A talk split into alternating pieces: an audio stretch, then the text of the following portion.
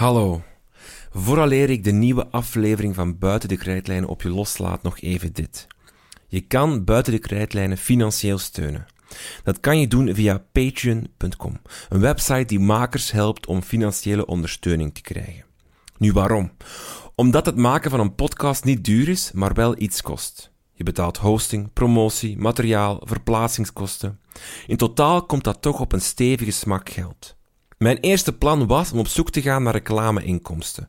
Maar door te kijken naar hoe anderen het doen, zag ik in hoe waardevol het model kan zijn als je luisteraars bijdragen omdat de podcast dan ook een deeltje van hen wordt en we zo samen kunnen bouwen aan een beter product, een betere podcast die meer leerkrachten helpt bij het lesgeven. Je kan al steunen vanaf 1 dollar per maand. Voor 5 dollar per maand nemen we je mee in de achterkamers van het maken van de podcast en houden we je op de hoogte van wat we van plan zijn, waar we aan werken en waar we naartoe willen. En je krijgt ook inspraak in de weg die we bewandelen. Let wel op, de podcast blijft gratis. Ze zal, ook al doneer je niet, nog steeds gratis en voor niets in je podcast-app blijven verschijnen. Deze vraag is geen verdienmodel, maar echt een vorm van ondersteuning om ervoor te zorgen dat deze podcast financieel leefbaar blijft en nog beter kan worden. Steunen doe je via www.patreon.com slash. Dat herhaal ik graag nog eens. www.patreon.com slash. Heel erg bedankt om te luisteren en geniet van de volgende aflevering.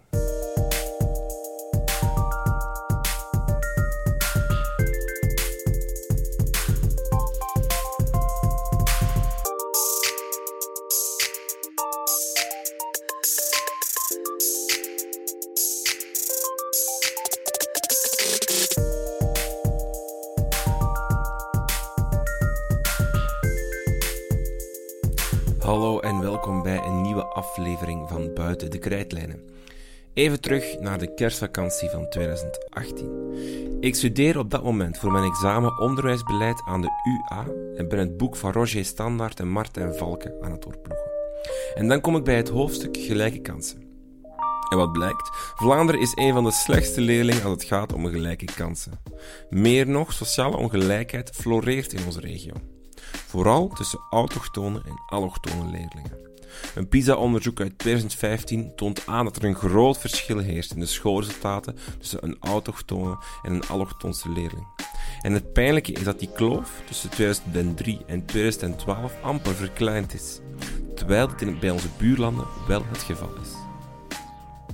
Fast forward dan naar juni wanneer ik mij voorbereid op mijn examen onderwijssociologie en het artikel lees van Oran Achirdag rond etnische ongelijkheid in het onderwijs. Ik lees een genuanceerd essay dat met duidelijke modellen uitlegt hoe etnische ongelijkheid werkt, hoe het ontstaat en als een visieuze cirkel begint rond te tollen in ons onderwijslandschap. Oran Achirdag is een professor in de pedagogische wetenschappen aan de KU Leuven en universitair docent aan de Universiteit van Amsterdam. Hij is socioloog van opleiding en houdt zich al jaren bezig met etnische ongelijkheid in de lage landen. Ik wou meer weten over ongelijkheid, hoe groot het probleem echt is, hoe het zich uit en wat we er tegen kunnen doen. Het werd een gesprek dat bij mij toch wat losmaakte. Hopelijk bij jullie ook. Luister naar professor Oran Agidag.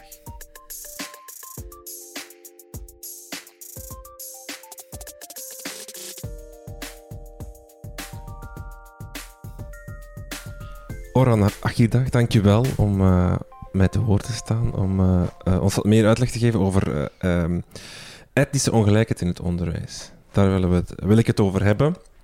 Um, ik wil beginnen bij het begin. Um, wat is etnische ongelijkheid? Hoe definieer jij dat? Of, of hoe, want dat, ik denk dat dat begrip ook heel wijd of heel groot kan genomen worden. Ja, etniciteit is een heel breed begrip. En daarmee begint het al. Um, etniciteit gaat over een vermeende afkomst van een bepaalde groep van mensen. Dat op verschillende manieren kan gedefinieerd worden. Sommigen definiëren dat op basis van um, land van herkomst. Sommigen definiëren dat op basis van religie. Wij zijn afkomstig van bijvoorbeeld uh, bij Joden is dat vaak het geval. Religie wordt daar dan als een afkomst gedefinieerd. Ras, als een specifiek uiterlijke kenmerk. Er bestaan geen biologische rassen, maar er bestaan wel ehm, sociale rassen, bijvoorbeeld een zwarte. Ik bedoel, geen enkele twee zwarten is identiek, of het verschil biologisch gezien tussen een zwarte en een witte man kan breder zijn dan twee zwarte, maar toch kan het gezien worden als een uh, groep van mensen. Taalgroep, taalachtergrond. Uh, Vlamingen definiëren zich als uh, anders als bijvoorbeeld Franstaligen. Dat heeft ook weer met uw afkomst te maken van waar je um, komt. Dus etniciteit kan op verschillende afkomstdefinities uh, betrekking hebben. In Vlaanderen heeft dat meestal betrekking op um, land van herkomst. Dus voor ons zijn uh, etnische minderheden mensen die niet afkomstig zijn uit uh, uh, België. Dus een verschil in etniciteit is, je komt van een ander land. Of dat wordt in, in, Europa, in, in, Europa meestal zo gedefinieerd. Okay. Merk op, in Verenigde Staten gaat het bijvoorbeeld vaker over raciale achtergrond. Ja. Maar in België gaat het meestal over afkomst. En als we naar leerlingen met een verschillende afkomst kijken, inclusief de autochtonen, die hebben ook een etniciteit, um, dan zien we dat er ongelijkheden zijn in het onderwijs. En die worden nog het meest duidelijk als we kijken naar onderwijsuitkomsten, leerprestaties, naar wat bijvoorbeeld in de eindtermen staat, of uiteindelijk uw behaalde diploma. Wat je merkt is, als welke onderwijsuitkomst, in welke fase van het onderwijs je ook bekijkt, zie je een kloof tussen wat etnische meerderheid, in dit geval witte autochtone leerlingen presteren, en de anderen. Daar zie je, als je nu bijvoorbeeld een, een, bij 15-jarige leerlingen zal kijken en daar een test rekenen afneemt, dan is er een kloof van ongeveer 2, 2,5 jaar tussen wat autochtone leerlingen en leerlingen met een migratieachtergrond presteren. Is de kleur belangrijk? Want u zei de witte uh, autochtone leerling is bijvoorbeeld iemand die uit Engeland geëmigreerd is, is op zich ook een, een ja. etnische verschil. Heeft hij ook die 2,5 jaar achtergrond? ja. Dus raciale, raciale verschillen uh, hebben dus ook betrekking op etniciteit. En, en um, we weten uit internationale literatuur dat dat belangrijk is. Alleen kan ik mij daar niet onmiddellijk voor uitspreken over Vlaanderen, omdat wij geen traditie hebben om raciale gegevens te verzamelen. We hebben land van herkomst, dat natuurlijk een indicatie kan geven over raciale achtergrond, maar soms ook niet. Dus omdat we dat niet meten, omdat we dat ook een term zijn waar we eerder vies van zijn in West-Europa, uh, kan ik me daar niet 100% over uitspreken. Maar als ik kijk naar internationaal onderzoek, naar uh, Brits onderzoek, Amerikaans onderzoek, dan zien we dat inderdaad dat uh, raciale verschillen, merk op, dat zijn dus geen biologische verschillen. Biologische rassen bestaan niet.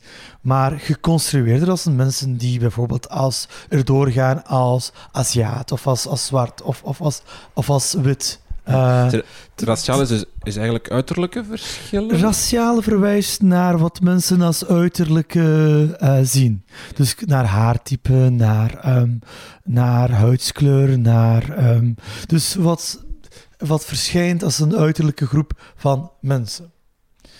Um, dat daar geen biologische basis aan is, uh, doet er niet toe. Op het moment dat je mensen als bruin, zwart, wit categoriseert, kan dat implicaties hebben op hoe je omgaat, bijvoorbeeld op discriminatie. Dus ook op onderwijsuitkomsten.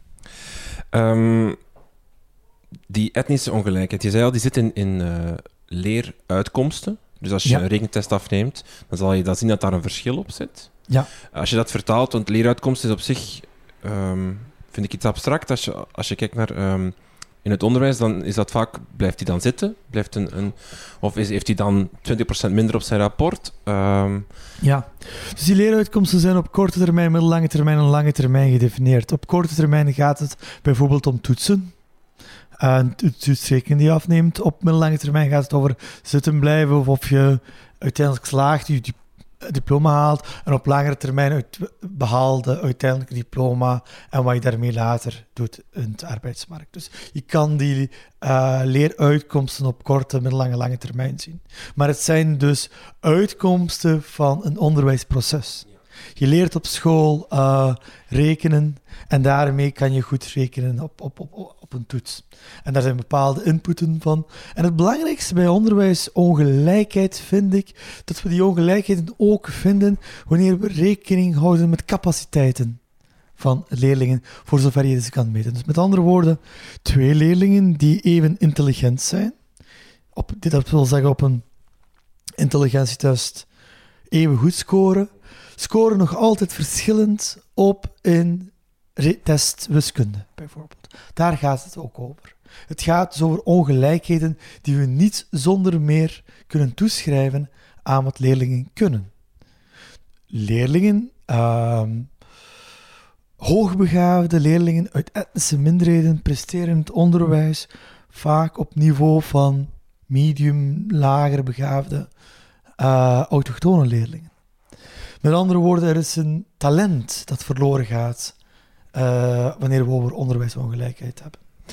Um, want er zijn, um, uh, volgens, volgens de literatuur die ik over u gelezen heb, eigenlijk, um, zal ik maar zeggen, twee, ik weet niet of oorzaak het juiste woord is, maar twee ontstaan idee van die etnische ongelijkheid, namelijk het deficitmodel. Het is de schuld van de persoon in kwestie, uh, blame the victim ook wel genoemd.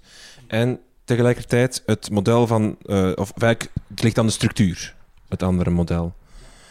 Um, is dat een beetje wat je, wat je nu al een, een keuze maakt van, het is de structuur toch? Want je zegt twee even intelligente mensen met een etnische verschil, waarvan één uh, autochtoon wit uh, meerderheid is en de andere minderheid. De minderheid zal toch minder scoren. Dus het ligt aan het structurele model? Tot, nee, het kan nog altijd aan specifieke deficits, aan gebreken van leerlingen zitten. Dus zelfs als je rekening houdt met capaciteiten, zullen mensen zeggen bijvoorbeeld, ja, maar leerlingen, uh, bijvoorbeeld etnische minderheden, die komen vaak uit families die, uh, waar er uh, te weinig financiële middelen zijn, of waar er een taalgebrek is. Dus je kan nog altijd een deficitverklaring geven aan onderwijsongelijkheid uh, voorbij de intelligentie, voorbij capaciteiten. Dus dat zou ook een deficitverklaring zijn, maar dat heb ik al, al op voorhand uh, willen duidelijk maken. Het gaat niet alleen daarover. Zelfs als we daar rekening mee houden, is dat geen voldoende verklaring. Dat neemt niet weg dat er nog altijd andere deficitverklaringen kunnen zijn voor onderwijsongelijkheid. Dus het is maar wat, een en-en-verhaal. Ja, maar wat ik zou inderdaad uh, op, op, op um, zou alluderen, is dat in verhaal van gebreken van leerlingen nooit een volledige beeld geven. Er is ook onderwijsstructuren, hoe wij omgaan met verschillende leerlingen, dat ertoe doet. Wat onze verwachtingen zijn van verschillende leerlingen. Hoe ons onderwijssysteem eruit ziet. Dus er is niet alleen een soort achterstand, uh, maar ook een achterstelling. Achteruitstelling. En, en, en dat, dat, dat speelt toch wel uh, telkens een, ook, ook een rol. Dus je kan niet, zoals het vaak gebeurt, onderwijsongelijkheid alleen verklaren in termen van gebreken van leerlingen. Sowieso niet biologische of genetische verschillen, maar ook niet zogenaamde culturele gebreken of verschillen. Dat kan wel een specifieke rol spelen, uh, maar om een volledige beeld van realiteit te hebben, moeten we ook kijken naar onderwijsstructuren, hoe wij in een klascontext omgaan met verschil dat mede ongelijkheid uh, meecreëert. Dus wij, onze pedagogische handel, om het zo te zeggen, staat niet los van ongelijkheid. Um, straks gaan we verder in op, dat, op, die, op die structurele uh, problemen, zal ik maar zeggen. Maar eerst even terug naar uh, ongelijkheid. Je zei al, 2,5 jaar verschil. Uh, op achterstand. 15 jaar. Op 15 jaar. Ongelijkheid. Ja. Dat is het Vlaamse cijfer? Dat zijn de Vlaamse cijfers, ja. hoe, hoe verhouden zich tegenover de rest van eh, de westerse wereld of Europa of globaal gezien? Zijn wij... W- Wij, wij zijn geen uitzondering in termen van bestaan van etnische ongelijkheid. Als we bijvoorbeeld de PISA-cijfers erbij nemen, zien we dat die wel in heel wat landen terugkomen. Wat wij, bij ons zo uitzonderlijk is inderdaad ehm, dat wij het land zijn waar etnische kloof in termen van kloof tussen leerling, autochtone leerlingen en leerlingen met een migratieachtergrond ehm een van de hoogste, zo niet hoogste in al die geïndustrialiseerde landen is. Dus wij, ehm, onze etnische kloof tussen etnische minderheden bij ons en autochtone bevolking is bij ons veel groter dan in de meeste landen. Ja. U maakt in interviews vaak de vergelijking met Nederland, waar ze het veel beter doen. Bijvoorbeeld in Nederland zie je dat er inderdaad eh, gemiddelde etnische ongelijkheid kleiner is.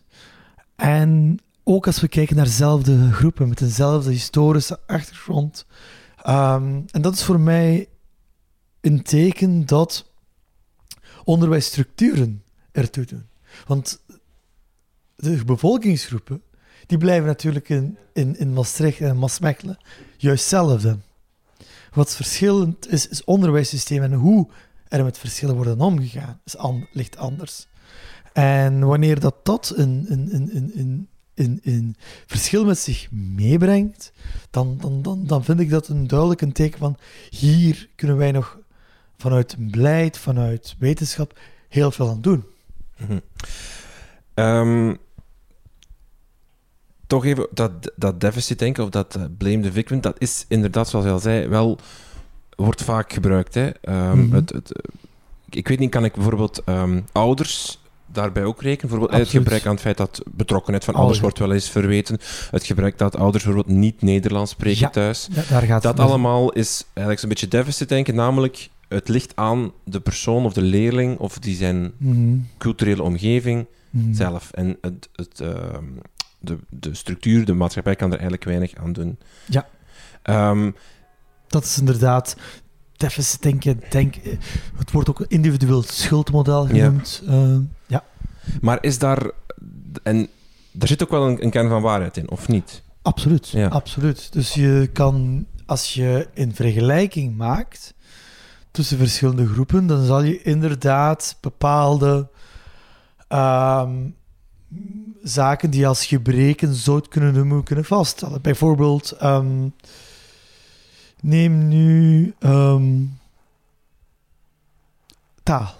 Een heel simpel voorbeeld. Wat je ziet is dat eh, op 2,5 jaar, op driejarig leeftijd, als schooltijd ongeveer begint voor 98% van de kinderen, ehm, er verschillen zijn in taalwaardigheid van de leerlingen. Binnen bijvoorbeeld ook autochtone leerlingen. Laten we even de ongelijkheid vergeten. Laten we doen alsof er alleen Nederlandstalige eh autochtone leerlingen zouden bestaan. Dan zal je merken dat er kinderen zijn die al 200 woorden begrijpen. En zal je merken dat er kinderen zijn die nog maar 50 woorden begrijpen. Maar ook kinderen die ongeveer 1000 woorden begrijpen. Met andere woorden, je zou kunnen zeggen, er zijn kinderen die beginnen met een taalachterstand, ook binnen eh autochtone groepen. En als je dan probeert te achterhalen wat daarachter ligt, dan zal je merken dat sociaal-economische situatie van eh, de gezinnen belangrijk zijn in hoeveel woorden dat er met kinderen eh, gesproken wordt. Hoeveel boeken dat er wordt voorgelezen. Hoeveel, eh, dus de mate van betrokkenheid opnieuw, eh, wat je zo, zo net aanhaalde, tussen verschillende sociaal-economische groepen. Dat is, als je dat wilt interpreteren in termen van een achterstand, een, eh, een aanvangsfase, dan, dan is dat een, een, een zwart-wit feit dat dat daar is. Louter als een beschrijvende vraagstuk. Dus er zit, als je bedoelt, met, zit daar een waarheid in? Absoluut. Denk ik dat, dat je daarmee een pedagogisch beleid of een pedagogisch project op kan bouwen? Dat is een ander verhaal. Ja. Zit, zit daar eigenlijk een oplossing in? Is dat, is eigenlijk ook een vraag? Ja, dus wat doe je dan ermee? Bijvoorbeeld, je zegt, als, als, als je bepaalde leerlingen inderdaad 200 woorden kunnen bij aanvang en bepaalde leerlingen 1000 woorden, ehm, dan is dat nog, geeft dat nog altijd geen antwoord naar wat je daarmee doet. En ik denk dat een term van gebreken van, aan- je kan natuurlijk alle ouders wel inlichten dat vaak spreken met kinderen goed is en dat daar ehm, ehm, dat, dat bestaande geïdentificeerde gebreken, tussen aanhalingstekens nog altijd, ehm, gecompenseerd worden, dat daar eh, informatie naar ouders over gaat, dat, dat vind ik op zich oké, maar ik denk niet dat je daar een pedagogisch project op kunt bouwen op gebreken. Of dat dat een excuus biedt voor ongelijkheid die daar verder uitvloeit. Want het is zo dat kinderen niet alleen eh, woorden leren thuis, maar ze leren dat op, ook op school. En als we dan zien dat de mate waarin leerlingen aandacht krijgen afhankelijk is uit welke sociaal-economische of etnische groep dat ze komen, dat vind ik een belangrijkere idee voor, voor, een, voor een beleid. En, als, en, en, en, en daarmee ga ik het afronden. Als je denkt dat je alleen dan die achterstanden benadrukt, Want dat doe je met dat deficitmodel eigenlijk. Ja. Die achterstanden beschrijven, zoals je zei, maar verder ook benadrukken. dan versterken ze. Ja.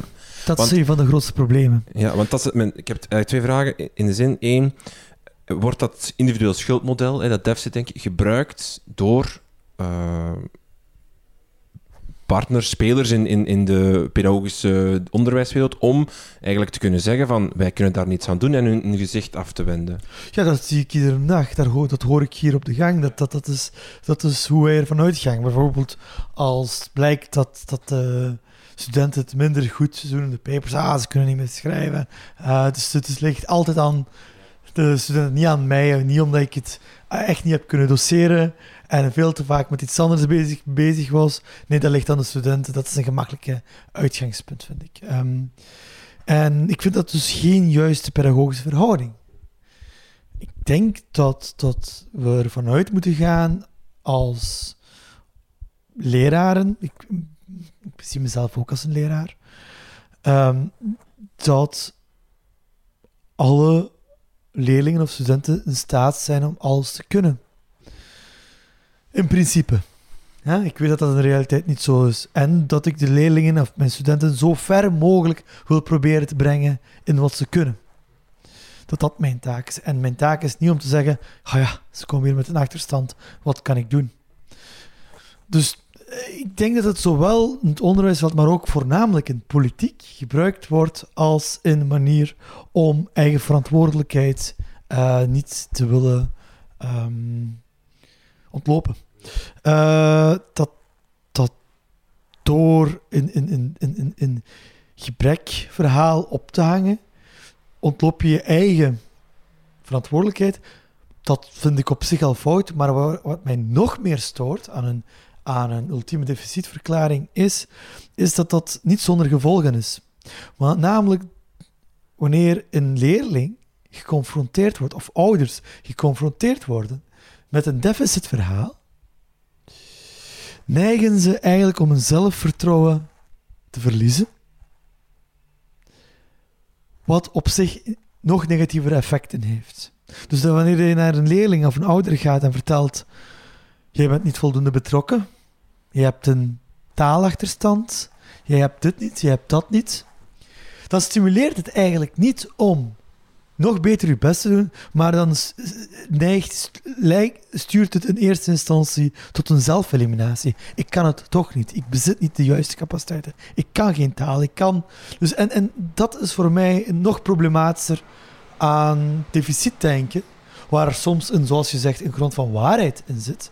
Maar wanneer dat we daar een beleid rond voeren, zijn, is het, resulteert het vaak niet in corrigeren van de gebreken, maar zelfs versterking van ongelijkheden. En dat vind ik enorm belangrijk. Het is eigenlijk een soort van self-fulfilling prophecy. Uh, De maatschappij of de, of de was maar de leerkracht, de, de, de- denkt van, Ja, of die beschrijft de achterstand en die persoon... strikt genomen geen self-fulfilling prophecy. ja, hetzelfde mechanisme, maar een self-fulfilling prophecy is een situatie die in het begin verkeerd is. Dus bijvoorbeeld dat je, dat kan ook wel zijn, bijvoorbeeld dat je een leerling die geen taalachterstand heeft, inschat als Vooroordelen. Ja, ja. dus bijvoorbeeld de- deze leerling heeft een taalachterstand, je geeft die veel minder aandacht dan andere leerlingen en uiteindelijk heeft hij een taalachterstand. Maar in het begin had hij dat niet. Dat is minder het geval in het onderwijs, dat gebeurt ook. Wat er vaker gebeurt in onderwijs zijn zogenaamde Gollum-effects, zelfversterkende overtuigingen. Dus wanneer dat een leraar ervan uitgaat, een leerling heeft taalachterstand, verzint hij of zij dat meestal niet. Eh, ik zeg meestal, het gebeurt ook wel. Dus daar zit een zekere waarheid onder. Dus mensen eh, halen dat niet uit, uit, uit, uit lucht, vaak niet.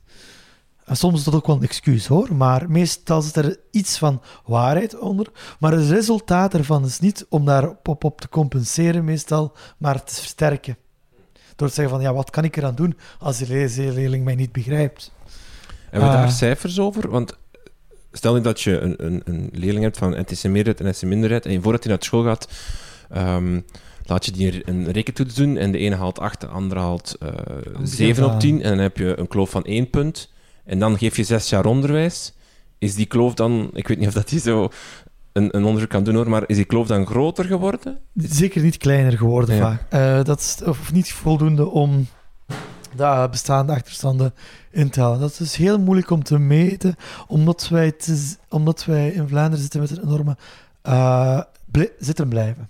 Dus als alle leerlingen mooi ieder jaar zo de eh, overstappen, zoals in de meeste andere landen, dan zouden we dat kunnen berekenen hoe dat, dat verder gaat. Maar als je een momentopname doet, een eerste leerjaar, een zesde leerjaar, zijn je leerlingen niet meer hetzelfde. Dus wat doe je met een leerling die is zitten blijven? Eh, neemt je dezelfde test af als die van het zesde jaar? Dan zou je het kunnen meten. Gebeurt meestal niet. Meestal of leerlingen van de school moeten veranderen en dergelijke. Wat dus een enorme moeilijke operatie maakt om het op, op een lange termijn te meten. Maar we weten dan zelfs normaal vorderende leerlingen halen hun ongelijkheid niet in. Oké. Structurele uitsluiting, een model van structurele uitsluiting. Dat is eigenlijk wat hij zegt van de structuur van ons onderwijs, van onze maatschappij misschien zelfs, zorgt ervoor dat er een etnische ongelijkheid komt. Ehm, wie heeft daarover gezegd, of eens gezegd, dat, eh, dat, dat lerarenteams, schoolbesturen, eh, de inhoud van leerboeken, dat die eigenlijk eh, zelden de linguïstische, etnische en culturele diversiteit in de samenleving weerspiegelen. Dat daar eigenlijk al een, een probleem zit, namelijk dat dat, dat te wit is. Zo, vanuit een etnisch perspectief zou je dat inderdaad zo kunnen stellen. Eh, je kan hetzelfde ook vanuit een sociaal klasseperspectief doen. Ja, want u zegt dat de blanke middenklasse cultuur wordt geprivilegeerd. Hogere middenklasse, zelfs Ja. niet de middenklasse eigenlijk. Ehm, ja, absoluut. In de zin van... ehm, Dat is de normaal eigenlijk. En Ja, iedereen daar rond, die is niet normaal, dus die, die moet zich eerst aanpassen. die moet zich aanpassen. Dus, en dat, en dat is dat structurele systeem, dat in de is dat de kern van... van On, dat, dat, dat is een van de elementen. Je zou ook bijvoorbeeld naar eh, nog zoals eh, structurele karakteristieken, zoals dat ons onderwijssysteem in een cascadesysteem werkt. Dus ook dat is een element van structuur. Dat we een, een, een, een eh, bijzonder hoge segregatie naar buitengewoon onderwijs. Ja, ook dat is een structuur. Maar cultureel gezien ook dat structuren zeer nauw aansluiten bij de, groep van ehm, witte elite. Er zal een kanon worden opgenomen. Dat zal niet noodzakelijk de kanon van de arbeidersklasse zijn, laten we het zo zeggen. Of ja, misschien toch nog wel eh, eh, bepaalde figuren erin. Maar bijvoorbeeld in Nederland zie je dat, dat, dat kanon dat is een witte geheel. Da- Daar zie je al, al, al. Maar ook veel simpeler. Wie? Wie zijn de bestuurders en wie zijn de leraren en directies in het onderwijs? Dat is ongezien in Vlaanderen. Dat, dat, dat heb ik toch in geen enkel land mogen zien. Dat er zo weinig ehm, kleur zit in onze onderwijspersoneel, in onze schoolbestuur. En dat wordt kunstmatig geblokkeerd. Dat wordt van, dat wordt systematisch en bewust tegengehouden. Dus u zegt dat het feit dat eh, veel actoren in de onderwijswereld nog wit zijn, Ja, dat wordt kunstmatig, dus door, door, Bewust. door een ingreep van, van politiek, van, van, Ja. En hoe, hoe dan? Kan je dat beschrijven? Bijvoorbeeld, er is een aanvraag ingediend om een islamitische school op te richten in Genk. Dat is een grondwettelijk recht. Of je daar nu eens mee bent of niet eens mee bent, doet er niet toe. Net zoals uw mening rond vrije meningsuiting of een andere grondrecht er niet toe doet op het moment dat we dat in grond, grondwet hebben gestoken. Dat iedereen in uh, school kan oprichten en erkend worden, dat dat mogelijk is. Vrijheid van onderwijs heet dat. Maar wanneer dat moslims dat willen, in een land waar de meerderheid van scholen religieuze scholen zijn, met name katholieke scholen, zou dat vanzelfsprekend een recht moeten zijn, maar een gewezen minister van Binnenlandse Zaken opkomt en letterlijk zegt: we moeten kijken hoe we dit gaan verhinderen. Dit zijn niet mijn woorden, maar verhinderen. Ja, dan kan ik niets anders besluiten dan dat bepaalde bevolkingsgroepen bewust worden tegengehouden om eigenlijk ook een positie in het onderwijsveld te nemen. Dat is nu een, wat, wat mij betreft een zwart-wit uh, manier om tegen te houden. Want islamitische scholen slagen er natuurlijk wel in om een divers personeel te vinden. Zie bijvoorbeeld in Nederland. Maar ook buiten. Is het dan daar ook divers in de zin van uh, alle etnische ja.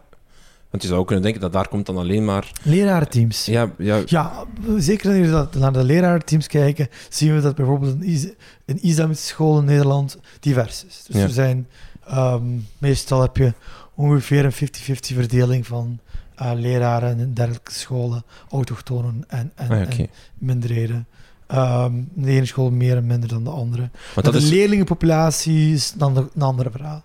Want dat is een eh, beetje het doelbeeld bij zo'n zo'n islamschool, is, segregatie nog verder. Namelijk dat, dat ook alleen maar uh, islamitisch, uh, islamitische kinderen zullen zijn met islamitische leerkrachten en, en dat je eigenlijk verdere segregatie krijgt. Niet noodzakelijk. Nee, dat denk ik dat het beeld is dat mensen dan... Dat, het zal wellicht zo zijn omdat in beginfase weinig autochtone families zullen kiezen om hun kinderen naar dergelijke scholen te sturen. Dat betekent niet dat dat in de toekomst zo zal zijn, want ik denk dat mensen voornamelijk kiezen voor kwaliteitsvol onderwijs. Net zoals mensen nu kiezen voor katholiek onderwijs, massaal, 60%, 70%. Niet uit meest katholieke overwegingen doen, maar omdat ze denken dat daar kwaliteitsvol onderwijs wordt gegeven. Ik vermoed dat hetzelfde op termijn ook met islamitische scholen zou het kunnen zijn. Maar zelfs als dat, dat niet zo zou zijn, autochtone kiezen ook niet voor een school van gemeenschapsonderwijs waar de bijna alle leerlingen minderheidsachtergrond hebben. Betekent dat we dan gemeenschapsonderwijs gaan afschaffen of hoe zit dat? Nee. Dus dat is meestal geen argument. En wat ik nog hypocrieter vind, is dat dezelfde mensen die de segregatieargument, politici, aanhalen, diegenen die zijn die dubbelcontingentering, dus eigenlijk een maatregel om sociale mix te bevorderen, hebben afgeschaft. En zullen verder afschaffen nu ook het uh, secundair onderwijs. Dus dat is segregatie is wellicht een, niets meer dan een drogreden om te zeggen ook minderheden kunnen onderwijs verlenen, kunnen leraren worden. Maar los van besturen uit, uit minderhedengemeenschappen, zelfs in het gemeenschapsonderwijs, uh, als je zegt leerlingen met, of leraren die een uiterlijk religieus teken dragen, lees, een hoofddoek dragen, mogen geen les geven. Ja, dat is, dan sluit je opnieuw een bepaalde groep van mensen af. En, en dat, dat is eigenlijk een, een, een, een, iets heel absurd. Want ja, onderwijs bij ons betekent is dat 99% gefinancierd door overheid. Overheid haalt geld bij mij en bij jou en, en, en, en we betalen belastingen belangrijk deel, grootste pot van Vlaamse overheidsgeld gaat naar het onderwijs. Dus mijn geld gaat naar het onderwijs, maar komt niet terug naar de bevolkingsgroepen. Is, hoe heet dat? Iets waar je alleen belasting moet betalen, maar geen uh, diensten in termen van jobs er in de plaats terugkrijgt. Volgens mij heet dat uitbuiting. U heeft ook al gezegd dat, dat ons onderwijs, het cascadesysteem waar u daar juist over had in ons onderwijs, er zit te veel selectie in ons onderwijs, heeft u wel eens gezegd. Eh, we selecteren te vroeg. En selectief. Ja.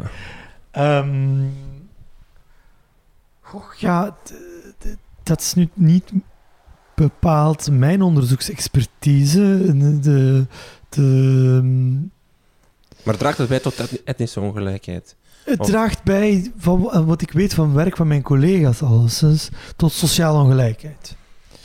Eh, werk van bijna alle onderwijswetenschappers wijst in, in, in... Ik heb het onderzoek zelf niet gedaan, dus ik, kan, ik, ga, ik ga me daar voorzichtiger Mhm. en uitspreken. Omdat ik ehm, het niet oké vind om zomaar uitspraken te doen waar je zelf geen onderzoeksexpertise over hebt. Maar als ik mijn collega's die daar wel over onderzoek hebben gedaan en wel over gepubliceerd hebben, lees, dan, dan, dan stellen zij toch opnieuw telkens vast dat in vroege selectiesysteem in verschillende hiërarchieën ongelijkheid verder stimuleert. En wij doen dat op de facto op leeftijd van 12. Ehm, en de meeste landen gebeurt dat later. Alleen in Duitsland, beter nog een bepaalde staat van Duitsland en Oostenrijk, geloof ik, is dat nog vroeger. Mhm. Op tienjarige leeftijd al een zekere selectie. En dat is... Dat triggert ongelijkheid met zich mee. Zeker voor leerlingen met een andere leercurve. Die later bijvoorbeeld pas. Bijvoorbeeld, we weten dat anderstalige leerlingen, die, of meertalige leerlingen zelfs ook, hun vocabularium eh, groeit anders. Mhm. Hun normale ontwikkeling. Dus ik, bijvoorbeeld, een tweetalig kind kent ehm, twee talen opgeteld meer woorden dan een eentalig kind. Mhm. Maar in de ene taal vaak minder dan de eentalige kind. Dus in het Nederlands kan een tweetalig kind minder woorden dan een, een- een kind die in eentalig Nederlands wordt op, gemiddeld gezien. Die haalt er later in. Ja. Nu stel dat dat Altijd? In de zin gemiddeld van... genomen, ja. Ja. Dat wijst uit onderzoek uit. Oké. Dus dat, dat, dat. Ehm, en laat, zelfs als we de etnische, verschillen aan de kant laten. Neem nu een Franstalige en een, eh, een, een kind die Nederlandstalig opgroeit en een, een kind die Nederlands-Frans opgroeit. En op welke leeftijd spreken we dan? Wat is, eh, op welke plaats neemt u tekort en op welke plaats heeft, u het, heeft, heeft die leerling het ingehaald? Oh, dat de schattingen variëren, maar de, de- de- eigenlijk ehm, kan een volledige taalverwerving meer dan zes jaar in beslag nemen. Dus Dus bij spreken als hij op, op, op zijn tiende of elfde naar België komt... eh, Dus- Of gewoon zelfs in België geboren is, maar tweetalig is opgevoed. Ja. Dus iemand die Nederlands-Frans is ja. Wanneer dat je zo iemand beoordeelt op normen van alleen de Nederlandstalige normale ontwikkeling, is hij of zij benadeeld omdat hij een andere normale ontwikkeling heeft. Met die vroege selectie, En, ja. en, en, en, wat we met, met tracking, met onze cascadesysteem doen, is we trekken op een bepaalde moment een lijn, wat volgens ons normale verdeling is. Maar onze normale verdeling is niet gebouwd op, op, op, op, op, op karakters van, van alle leerlingen, maar wel van de specifieke eentalige kinderen. Dus wanneer je eh, meertalige kinderen beoordeelt op basis van de meetlat van de, van de eentalige kinderen, ja, dan benadel je tweetalige kinderen. Net zoals je ehm eentalige kinderen, stel dat ze op, op basis van een eh, Frans zouden beoordeeld worden, daar een A, zo, T, zo, B, zo, zouden gestopt worden, dan zou ik ook wel eens willen zien wat daar de resultaten van zouden zijn. Dus eh, dat is een essentieel een probleem. En wanneer je dat later doet, geef je de kinderen eigenlijk meer tijd om op, op, op, op, op, op niveau te komen van Ja, die achterstand in te halen. Dus dat is uiteindelijk basisfilosofie waarom dat ehm, latere trekking, eh, eh, latere selectie beter zou zijn dan vroege selectie. Maar opnieuw, als je hierover echt eh,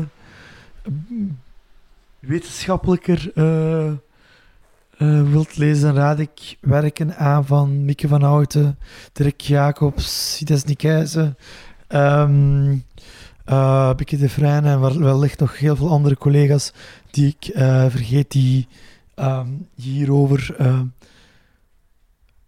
onderzoek, heb, onderzoek hebben gedaan, hierover gepubliceerd en die, die, die, dit beter dan mij zullen uitleggen hoe dat het komt tot uh, selectie, tot ongelijkheid leidt. Vaak wordt nogal eens gezegd excellentie en, en democratisering, of um, um, uh, onderwijs dat er ook is voor degene, voor de, om die ongelijkheden weg te werken. Dat gaat niet samen, het is een van de twee. Ja, ja, ik, ik, denk dat, dat, zoals heel veel andere mensen het al gezegd hebben, en ik ook, en we kunnen er alleen maar in, in herhalingen vallen. Dus is, um, er is geen enkele reden waarom het excellentie en um, gelijke opportuniteiten in het onderzoek uh, elkaar tegenspreken. Integendeel, integendeel. Ik denk dat voor excellent onderwijs um, een zekere mate van de gelijke verdeling van de leerprestaties een voorwaarde is.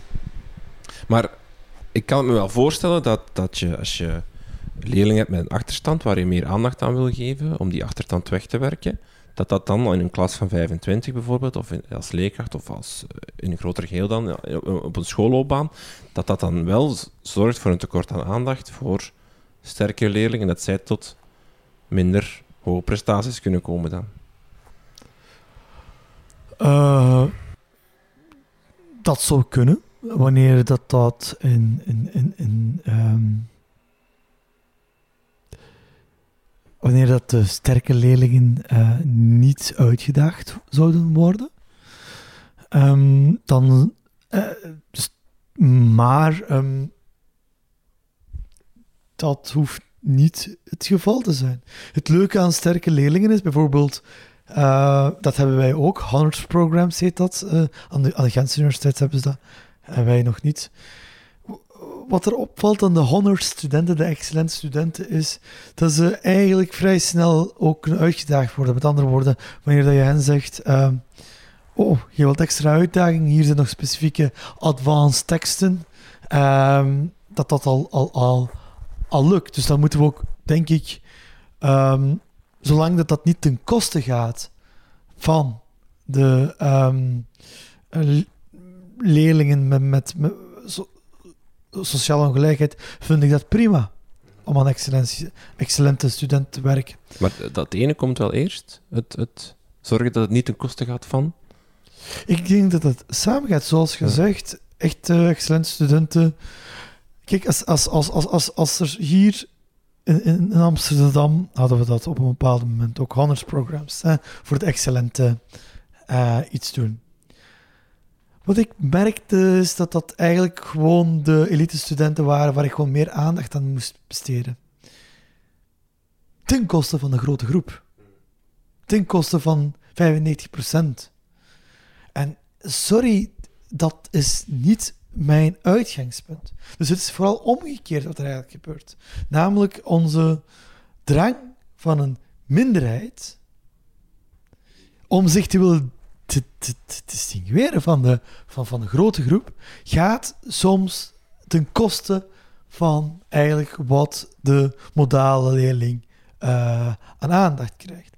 En daar uh, heb ik mijn twijfels over of dat, dat excellent onderwijs is. Namelijk dat een, een, een 5% van de, van de bevolking extra aandacht krijgt. Mijn uitgangspunt op dat moment was: ik ben bereid, maar als dat echt excellente studenten zijn, betekent dat, dat ook dat dat niet te veel van mijn tijd kost. Want als dat alleen maar lukt door mijn aandacht, dan kan de vraag gesteld worden of het effectief wel de excellente studenten zijn. maar het is wel iets dat, dat uh, weer klinkt soms, hè, dat de lat lager is komen te liggen in ons onderwijs, dat we naar een pretpedagogie zijn gegaan, dat er een zesjescultuur heerst en dat dat voor een deel komt door... Um, een, een migratie-instroom, um, een feit dat het, dat het, uh, dat het niveau dan, hè, door die ongelijkheden, veel groter of veel meer verschil gekomen is. Ja. En dat daardoor onze goede leerlingen, of dat daardoor die bovenste toplaag, zal ik maar zeggen, niet meer kan excelleren. Er worden beeld aantekeningen gemaakt, dus ik denk dat... nee, um, ja, dat, dat, was ook een van de hypothesen die ik met, met zelf ook stelde van uh, die niveaudaling die we vaststellen, gemiddelde dat leerlingen lager presteren, heeft dat bijvoorbeeld iets te maken met influx van migranten. Dat was ook een van, ik denk, een, een, een waardevolle hypothese. En ik dacht, het zal toch wel een zekere verklaring bieden. Het zal geen grote picture zijn, maar tot mijn verbazing heb ik het omgekeerde gevonden. Uh, Ali, een masterstudent die dat voor thesis heeft gedaan, we moeten dat verder bekijken. Maar mijn analyses wijzen ook al in dezezelfde richting uit. Migratie heeft geen invloed op de en heeft daling. zelfs een positief effect gehad in termen van de... Uh, wat wil dat zeggen? Dat zonder de groep van migranten de daling veel sterker was geweest. Want de daling heeft zich niet gedaan, voorgedaan bij de groep van migranten. Daar zie je een lichte stijging. Met andere woorden, dus zonder die groep van de migrantenleerlingen die het beter doen, lichtjes beter doen, was onze gemiddelde daling nog sterker geweest. Uh, dus dat, dat, dat tegen mijn eigen verwachtingen in, in alle eerlijkheid. Uh, uh, hebben we dat gevonden. Dus het gaat om heel kleine verschillen hoor. Maar het biedt geen verklaring voor de daling. Wat dan wel, uh, dat moet nog uitgezocht worden. Ik heb nog andere hypothesen. Ik heb uh, in tegenstelling tot bijvoorbeeld collega Duik, waar al die term vandaan komt, uh, laten we een, een, kat bij de naam noemen, zesjes cultuur en, en, en, en, en dergelijke komt van, van, van, van collega Duik. Ja, dan vraag ik, ja, op je eigenlijk? Als je zoiets zegt, hebben we, hebben we nu een, een medierende analyse waaruit blijkt dat de daling van de uh, score... Want dat veronderstelt twee dingen. Ten eerste dat ook motivatie gedaald zou zijn doorheen tijd. Daar hebben we geen enkele indicatie van. En dat dat bepalend zou zijn voor de, voor de leerprestaties. Ook daar hebben we geen enkele indicatie. Uh, uh, indicatie van. Analyses die we hebben uitgevoerd wijzen niet bepaald in de richting van een daling van uh, motivatie van de, bij de leerlingen. Dus ik, ik, ik, ik, ik vind het moeilijker om dan zonder de bewijs te hebben, om naar de uitspraak te doen van daarom komt het dan. Is op basis van zescultuur of wat dan ook. Een andere hypothese die ik denk uh, dat veel meer kans maakt om uh, een toets te doorstaan, is um, eerder de time on task hypothese. Uh, wat betekent dat? Scholen hebben de voorbije jaren steeds meer leeruitkomsten moeten realiseren op steeds meer verschillende domeinen. Dat gaat van ondernemerschaps tot EHBO, tot burgerschaps, tot uh, iedereen die geen inspiratie meer heeft over een bepaalde problematiek zegt. En het is toch schandalig dat onderwijs geen aandacht geeft aan X. En X wordt op een bepaald moment ook curriculum. Eindtermen zijn enorm uitgebreid geweest eigenlijk in termen van wat leerlingen moeten kunnen en kennen. Onder Tussen is tijd die een school heeft, die een leraar heeft, niet meegestegen. Dus je moet steeds meer verschillende dingen kunnen op, terwijl je tijd niet. Wat gaat er gebeuren, denk je, als ik en EHBO en breuken moet leren? Je gaat de tijd verdelen en je gaat minder goed van beide kunnen als je tenzij je één ding doet. Ja. Dus ofwel dossier EHBO op basis van breuken, waar ik waar ik ten sterkste betwijfel of dat kan. En een verkeersregel, ofwel geef tijd aan breuk. Ja. Dus eigenlijk wat je zegt is, de, de eindtermen of de, de domeinen waar onderwijs allemaal iets over moet gezegd hebben tegen leerlingen, is zoveel gestegen, de tijd niet. Dus dat wil eigenlijk zeggen dat gewoon pure wiskunde, de tijd die voor elk domein is, is gewoon minder geworden tegenover als je minder domeinen hebt. Dit is mijn hypothese. Opnieuw, ik ben niet zo zelfzeker als collega Duik om, om, om uh, om te zeggen, daar ligt het aan. Uh, dus omdat, laten, laten we het onderzoek afwachten, mm -hmm. peer review proces. Uh, en, en, en, en, en dan hopelijk ook nog twee replicaties door onafhankelijke studies. Om, dan zal ik zeggen, daar ligt het aan. Okay. maar aangezien ik dat niet heb, is het voorlopig een hypothese. Enigste aanwijzing in de richting van, mijn, van, de, van, van, van, deze hypothese is het volgende. Op bepaalde vlakken hebben we een stijging gezien. Dat weten we veel minder, omdat daar niet geen krantenkoppen van komen en uh, geen op in een stuk schrijvende collega's erop springen. Maar bijvoorbeeld politieke kennis van onze leerlingen zijn enorm gestegen in uh, een aantal jaar tijd. politieke kennis dat gaat over zaken zoals ehm, dat leerlingen weten wat het verschil is tussen een regering en een parlement. Ehm, En daar is de tijd die eraan besteed wordt ook gestegen in het eh, onderwijs? we- Er is meer aandacht gekomen op burgerschap. Ja. Eh, school moeten meer werken aan burgerschap. Dus school werken aan burgerschap. Dus leerlingen presteren Ja. daar allemaal beter in. Eh, goed. Wat hebben ze op dat moment minder geleerd? Ja. Zo, ik- dus op, opnieuw, dit lijkt mij een, een logische verklaring voor, voor eh, eh, wat er gaande is. Maar eh, het is ook een hypothese. Een andere hypothese is onze lerarenkwaliteit eh, is gedaald. En wie neemt daar de verantwoordelijkheid? En ik denk in eerste instantie eh, wij, universiteiten. En, en mijn werkgevers. Lerarenopleidingen die gewoon de voorbije jaren verwaarloosd waren. Op welk niveau, op welk gebied dan? Hoe dan? Goh, eh, weet je dat het zelfs aan de universiteit, je hebt bachelors, je hebt masters, dat lerarenopleidingen tot nu toe, tot nu, niet in de bachelor-masterstructuur zat, Hm. maar zo'n soort bijkomende iets wat, eh, dat nog een bachelor, nog een master, nog, Hm. ik weet niet, wat- Een Ah, SLO? Nee. ja. nee, ja. wat is een SLO? Is dat een bachelor of een master? Ik heb geen idee. Jawel, dus om, om- dat geeft al uit welke statuut dat het had. Hè? Ja. En nu pas gaan we daar een, een, een, een master van maken. Uh, De educatieve master. Ja. ja. dus 2019, hè? Mhm. Ehm, en dan is de vraag nog altijd, wat gaan we doen om daar onze beste eh, koppen in te krijgen? Want ja, je hebt twee dingen. Hè. Je hebt enerzijds de, het, de, de inschrijven de leraaropleidingen dalen. Je hebt gewoon minder leraars. Maar je zegt ook wel dat de kwaliteit van, als dan zo iemand zich inschrijft, is wel minder dan vroeger. Van Ah. zo'n leerkracht. Ja, omdat, omdat eh, ja, de le- lerarenopleidingen werden vaak als... als, als ehm, goh, ik kan het zeggen nu omdat dat hopelijk verleden tijd is, maar werden beschouwd als eerder zo wat aanvullend, eh, geen volwaardige masteropleiding, ondergefinancierd. Als dat nu gedaan is, hoop ik dat daar wel verbetering eh, op komt naar onze eh master. Maar als we ook naar de bachelors kijken, nergens bijna in de wereld kan je met gewoon drie jaar opleiding leraar worden. Overal is het meer. Of, Ehm, moeten we daar misschien niet aan, aan, aan, denken, om hoe dat, dat in elkaar zit? Ehm, is er geen ehm ja, leraarstatuut dat, dat, dat stiefmoederlijk is behandeld geweest, ook door de, de, de overheden?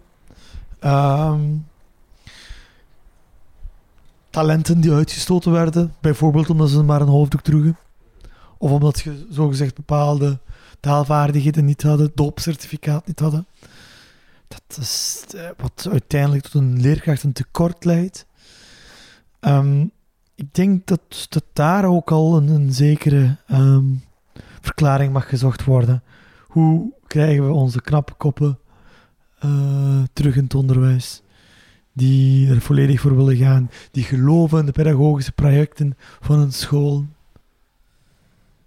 en die ook willen lesgeven aan de moeilijkste klassen. Of de, want dat is ook iets wat je, waar je al eens een opiniestuk over geschreven hebt, namelijk de eh, jongste, vaak minst ervaren leerkrachten worden voor de zwaarste klassen gezet, voor de moeilijkste klassen, voor de klassen met de grootste verschillen in, eh, in etniciteit of in, in eh, achterstand dan rond, rond schooluitkomsten, leeruitkomsten. Ja, absoluut. Dat is... En bij ons nog sterker dan in de meeste andere landen. Mhm. Is dat een van de... Want misschien moeten we naar de, de oplossingen gaan. Van hoe kunnen we nu die eh, ongelijkheid eh, oplossen of wegwerken? Dat zal verschillende factoren zijn. Een van de factoren is inderdaad, denk ik, om, de, om de beste leraren de moeilijkste, of beter zelfs, beste lerarenteams Mhm. in de moeilijkste school te krijgen. Die er ook wel... Want hij heeft ook al gezegd van... leerkrachten zijn vaak niet opgeleid om met etnische verschillen of, en dan de ongelijkheden die daarmee mee, mee komen kijken, om te gaan. Ja, dat blijkt ook bijvoorbeeld uit de internationale talenstudie, waar ze uh, leraren bevraagd hebben in verschillende landen. En ze hebben zo tien domeinen aan leerkrachten voorgelegd van waar voel je je nu klaar om les te geven. En pedagogisch, didactisch, inhoudelijk, uh, uh, technologie. En wat laagste score krijgt, rond 17% van de leraren namelijk, voelt zich uh, voldoende bereid, voldoende voorbereid beter, om in een uh, meertalige of multiculturele context les te geven. 17%. Dus dat wil zeggen, overgrote meerderheid van de leraren niet.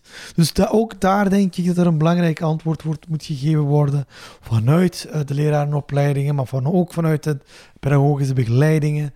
Uh, hoe gaan we nu ervoor zorgen dat onze leraren beter voorbereid zijn om uh, les te geven in uh, verschillende contexten? Zijn er structureel nog dingen die we kunnen aanpassen? De selectie of die, dat, die selectiefunctie of, of de manier waarop we selecteren ons onderwijs, kunnen we later doen, zodat um, taalachterstand zich kan oplossen, zal ik maar zeggen? Ja, maar ook de betrokkenheid van de verschillende gemeenschappen in het onderwijs als initiatiefnemer. Uh, bijvoorbeeld, we hadden het al over de islamitische scholen die werden geblokkeerd. Dat is eigenlijk bedoel, een groep van ouders die samen bij elkaar komen en een school willen oprichten. Ik ken geen ouderbetrokkenheid dat verder gaat dan dat. Dat is voor mij een ultieme vorm van ouderbetrokkenheid. Ja, want dat is eigenlijk het dubbele. We verwijten vaak ouders dat ze niet betrokken zijn. Ja. En nu hebben we net een voorbeeld van enorme ouderbetrokkenheid en daar gaan we dan... Ja, dat is niet degene wat we willen, blijkbaar. Tegen ageren, ja. Dus dat, dat, dat, dat, dat kan niet, denk ik. Dus ik denk dat gemeenschappen, zowel in, in minderheidsscholen, maar ook in, in, in, in officiële scholen, meer betrokken moeten zijn in het onderwijs aan stuur van het Mhm. onderwijs. Niet alleen als, als cliënt. Mhm. Uh, En, en, en, en, en maar ook niet binnen de bestaande organisaties ja, dan? absoluut. Want, want uh, een, een islamitische school is natuurlijk een, een, een goed idee, een goed voorbeeld van hoe dat die betrokkenheid kan getoond worden, hoe dat ook die mensen aan het stuur kunnen komen zitten. Maar we blijven wel zitten met, met, met witte directeurs, met witte leerkrachten, met witte uh, besturen, uh, pedagogische begeleidingsdiensten. Er zit heel weinig diversiteit in. Dat moet in eerste instantie ook veranderen, denk ja. ik. Dus, en hoe doe je dat? Is dat uh, door je doelstelling te laten zien, door te zeggen van ondertussen hebben wij van onze diversiteit zoveel procent. En Quota? we moeten zien dat we binnen vijf jaar uh, aan dit procent zitten. Oh, quota, streefcijfers, um, dat laat ik aan de creativiteit van de organisaties horen, maar wel een duidelijke plan om dat te realiseren. En, maar, en, ja. en, en, en als de wensen daar niet zijn, um, dus indicatie van waarom hebben we het momenteel niet. Gemakkelijkste oplossing is zeggen van we vinden ze niet. Bullshit, sorry. Mm. Uh, je moet al wel heel sterk je best doen om bijvoorbeeld in, in een stad als Gent diversiteit niet te vinden. Um, welke recruteringsbeleid hebben we hier rond? Welke middelen hebben we om onze wijken, om onze stakeholders te weergeven in alle positie van ons onderwijsstelsel? Er is geen enkel excuus voor om dat niet te doen. Mm. Um, dat is één, één element, maar ook betrokkenheid met um, verschillende gemeenschappen. Een brede school kan uh, samenwerking organiseren met een in, in, in, in, in, een dansschool of, of een, uh, daar in de buurt. Um, dus met een instelling waar meditering en yoga wordt gegeven, maar waarom niet bijvoorbeeld met een moskee? Uh, dus laten we eens de gemeenschappen ook stakeholders zijn van uh, school. Dat geldt ook voor uh, kwestie rond, rond armoede hoor. dan spreek ik bijvoorbeeld over waarom betrekken we niet organisaties waar armen het woord nemen in een schoolbestuur. -hmm. De deuren opengooien, maar dan Absoluut, vooral ook opengooien school naar... is van niemand. Ja. Dat is een, voor mij, school is een ultieme common.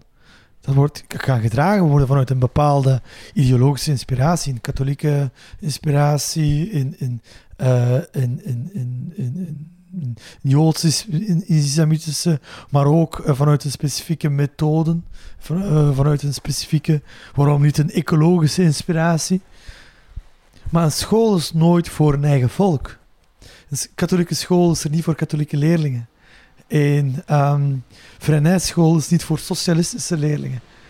Frenij was wel een socialist, maar ehm, dat wil niet zeggen dat, dat, dat een school is niet voor een eigen volk. Dus dit geldt ook voor dus alle scholen, ook voor de islamitische scholen die hier zouden zijn.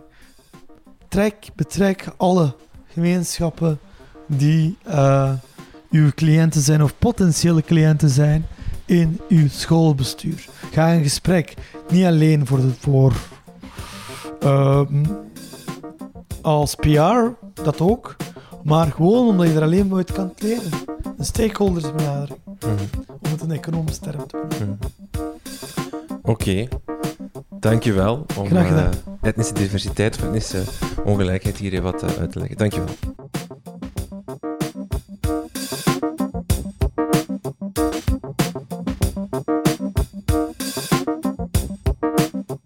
Dit was het dan voor deze aflevering. Oran Achidag schrijft regelmatig opiniestukken voor diverse media en kan je volgen op Twitter via @oranarchidag.